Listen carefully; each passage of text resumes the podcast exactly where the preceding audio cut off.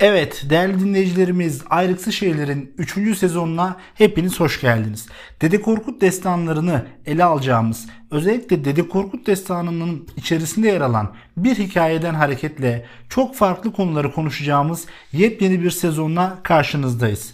Bu sezonumuzda da ayrık şeylerin daha önceki sezonlarında olduğu gibi dağın ardında kalan şeyleri konuşmak için sizleri programlarımıza davet ediyoruz ve burada sizlerle buluşuyoruz. Bu sezonumuzda özellikle Dede Korkut destanı içerisinde yer alan Basat'ın Tepegöz'ü öldürdüğü hikayeyi, bu destanı çok farklı yönleriyle ele alıp sizlere farklı bakış açılarından bu destanlara nasıl bakılabileceğini göstermek ve bunlardan bazı örnekler vermek istiyoruz. Daha önceki sezonlarımızda olduğu gibi bu sezonumuzda da bana 10. Köy Mikrofon'un ve 10. Köy dergisinin kıymetli editörlerinden Gökhan Aydın Bey eşlik ediyorlar. Ayrıca bu yeni sezonumuzda sürpriz bir konukla sizlerle birlikteyiz. Bu sezonumuzda baş konuşmacımız olarak ülkemizin yetiştirdiği en genç illüstratör sanatçılarından yazar ve araştırmacı Alper Bakıcı Beyefendi bizlerle birlikte olacak. Bu sezonumuzda da daha önceki sezonlarımızda olduğu gibi ayrıksı bir içerikle, ayrıksı konularla, ayrıksı şeyler sizlerle birlikte. Öncelikle ben Gökhan Bey'e ve Alper Bey'e hoş geldiniz demek istiyorum. Beyler yeni sezonumuz hayırlı olsun.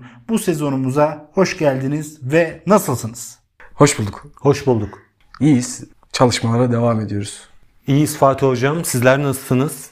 Çok teşekkür ediyorum ben de. Gayet iyiyiz ve Ayrıksı Şeyler podcast kanalı olarak ayrıksı işler yapmaya devam ediyoruz. Öncelikle ben Alper Hocam sizi tanımayan dinleyicilerimiz için kısaca bir kendinizi tanıtmanızı isteyeceğim. Araştırmacı Alper Bakıcı kimdir? Bugün Dede Korkut hikayeleri ile ilgili önemli bir konu olan dağın ardında kalan bir konuyu görüşmek için buraya geldim. Bu platformda öncelikle bulunduğum için çok mutluyum. Kendimi kısaca şöyle tanıtmak isterim. Ben Gazi Üniversitesi Edebiyat Fakültesi Türk Halk Bilimi bölümünden, lisans bölümünden mezun oldum. Daha sonrasında Gazi Üniversitesi Resim İş Eğitimi bölümünde yüksek lisans eğitimimi tamamladım. Lisans eğitimimden yüksek lisans eğitimimin sonuna kadar olan süreçte daha çok sözlü kültür ürünlerinin görsel dilini ön plana çıkartmaya çalışan çalışmalara öncelik veriyorum. Daha çok bu dili kullanıyorum ve bugün ayrıksı şeylerde umarım bu sözlü kültürün görsel dilini ön plana çıkartmaya çalışacağız. Çok teşekkür ederiz. Öncelikle şunu belirtmek istiyorum. Ayrık Şeyler podcast kanalı olarak bütün araştırmacılara yeni sosyal bilimlerde olsun, eğitim bilimlerinde olsun, fen bilimlerinde olsun fark etmeksizin dağın ardında kalan şeyleri konuşmak isteyen, yeni spesifik özgün çalışması olan bütün araştırmacılara kapımızın açık olduğunu belirtmek isteriz. Bize sosyal medya hesaplarımızdan ve mail adresimiz üzerinden ulaşabilir değerli araştırmacılarımız. Tabi spesifik, ilgi çekici, dağın ardında kalan şeylerin ortaya konulduğu araştırmalar bizim ilgimizi çekiyor. Nedeni ise çok basit. Günümüzde birçok yüksek lisans ve doktor öğrencisi daha önce üzerinden 100 defa geçilmiş çalışmaları tekrardan tabiri caizse temcit pilavı gibi ısıtıp ısıtıp önümüze koydukları için Alper Bakıcı Beyefendi'nin çalışması gibi çalışmalar bizleri cezbediyor ve bu çalışmaları biz değerlendirmek, dinleyicilerimize, Türk bilim hayatına katkı sunmaya çalışan araştırmacılarımızın eserlerini de ilgilileriyle gerek öğrenciler, gerek profesyoneller, gerek üniversitedekiler, akademisyenler vesaire toplumun bütün kesimine aktarmak istiyoruz. Ve ben burada Alper Bakıcı hocama şunu sormak istiyorum. Böyle bir çalışma yapmak nereden aklınıza geldi? Burada sizin temel motivasyon kaynağınız neydi? Sizi böyle bir çalışma yapmaya sevk eden şey nedir? Nacizane biz de bilim disiplinimize bir konuyu derinlemesine araştırmak için bu çalışmaya girdik. Bu çalışmayla alakalı olarak benim e, düşüncelerim daha çok lisans döneminden beri aslında ön plana çıktı. Dede Korkut hikayeleri önemli bir e, kaynak bizim için. Malum Dede Korkut hikayelerinden bahsettiysek rahmetli Fuat Köprülü hocamız da burada bir onun vecizesiyle anmak isterim. Fuat Köprülü hocamız der ki Dede Korkut'u bir tarafa, Türk edebiyatını bir tarafa koyun. Dede Korkut ağır basar. Bu sebeple bu çalışmaya daha çok içtenlikle araştırma isteği duydum. Dede Korkut kitabı içerisinde yer alan benim asıl çalışma konum olan Basat'ın Tepegöz öldürdüğü destan konusu ise daha çok içinde barındırmış olduğu olağanüstülüklerle ve bu platformun adıyla ayrıksı bir konu olması sebebiyle bu çalışmayı yapma ihtiyacı duydum. Tabi burada bu sezonumuzun bir sloganı var.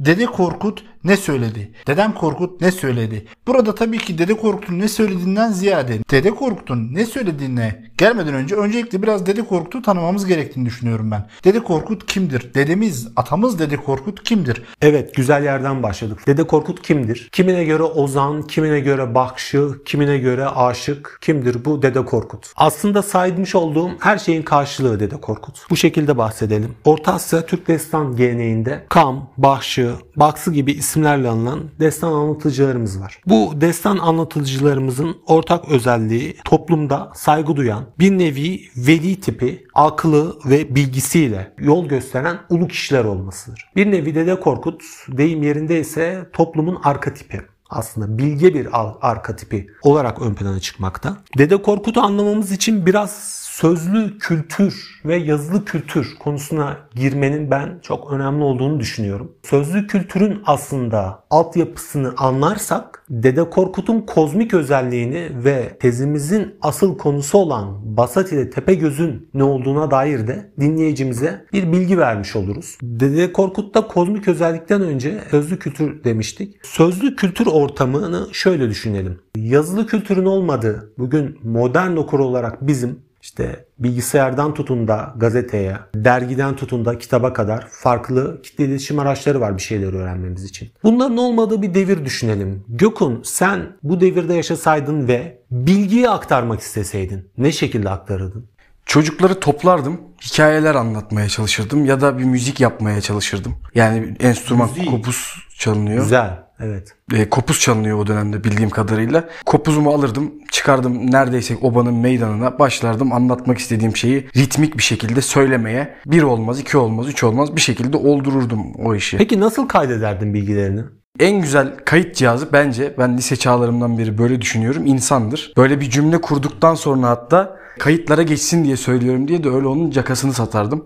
En güzel kayıt cihazı insandır. İnsanlara aktarırdım. Özellikle çocuklara aktarırdım. O şekilde kaydederdim. Yani insanı merkez alırdım diyorsun. Evet. Evet. Evet. Bir kağıt olmadığı için ya da bir yazı olmadığı için insanı merkez alırdın. Aslında sorunun cevabına yaklaştın. Dediğin de çok doğru. Dede Korkut insanı merkeze alan sözlü kültür insanı olarak yani hikmet bilgiyi dinleyicisine, insana heksametrik dizi ölçüsü dediğimiz akademi disiplininde bir dizi anlayışıyla aktarıyordu. Neydi bu heksametrik dizi ölçüsü? Kalıp ifadeler, hikmet bilgiye dayalı olan düşün dünyası ve ritme dayalı söz söyleme geleneği. Kısaca sözlü kültür böyle ifade etsek aslında çok mantıklı olur anladığım kadarıyla şöyle diyebilir miyiz? Dede Korkut söylemek istediğini, aktarmak istediğini eline kopuzunu alıp insanların çoğunlukta olduğu bir yere gidip hem kopuzunu çalıp hem de sözlü bir şekilde söylemek istediğini söyleyip mesajlarını iletiyordu. Kesinlikle öyle diyebiliriz. Bir de şöyle bir şey var aslında. Dede Korkut destanı içerisinde yer alan yani bugün biz bir kitapçıya gittiğimiz zaman Dede Korkut destanını satın almak istediğimizde Dede Korkut destanının içerisinde pek çok hikayenin yer aldığını görüyoruz. Tabi bunlar günümüzde farklı çalışmalarla yeni nüshaları da ortaya çıkıyor ama şu ana kadar bildiğimiz nüshaları Dede Korkut destanının içerisinde yer alan hikayeler belli. Gittiğimizde kitabı satın aldığımızda içindeki hikayeleri biliyoruz ama şu an bizi dinleyip bu kitabı edinmemiş olan dinleyicilerimiz olabilir. Kısaca bu Dede Korkut destanları içerisinde yer alan hikayelerin günümüze ulaşan bu hikayelerin isimleri nelerdir? Dede Korkut destanlarını söylemeden önce isterseniz bir Dede Korkut kitabından kısaca bahsedelim derim. Şöyle ifade edelim. Dede Korkut kitabı öncelikle 15. yüzyılda kaleme alınmıştır. Fakat Dede Korkut kitabı kaleme alındığı dönemden ziyade daha önceki dönemleri de aslında kapsayan bir konu. Az önce de bahsettiğimiz gibi yüzyıllar boyunca insanlığın ortaya koymuş olduğu o ortak fikrin ve ortak düşüncenin aslında bir ürünü. Dede Korkut kitabı kısaca Dresden ve Vatikan nüshası olmak üzere ikiye ayrılmakta. Birisi Dresden'de diğer bir yeri Vatikan'da duruyor. Dresden nüshasında 12 boy, Vatikan nüshasında ise 6 boy var. Bizim bugün üzerinde durmak istediğimiz ayrıksı konumuz Basat Tepegöz destanı Dresden nüshasında olduğu için biz Dresden nüshasındaki 12 boyu sayalım dinleyicilerimize isterlerse. Bu boylar sırasıyla Dirsanoğlu Boğa Boğaçan destanı, Salur Kazan'ın evinin yağmalanması destanı, Kan Büroğlu Bamsı Beyrek destanı, Kazan Bey'in oğlu Uruz Bey'in esir düştüğü destan,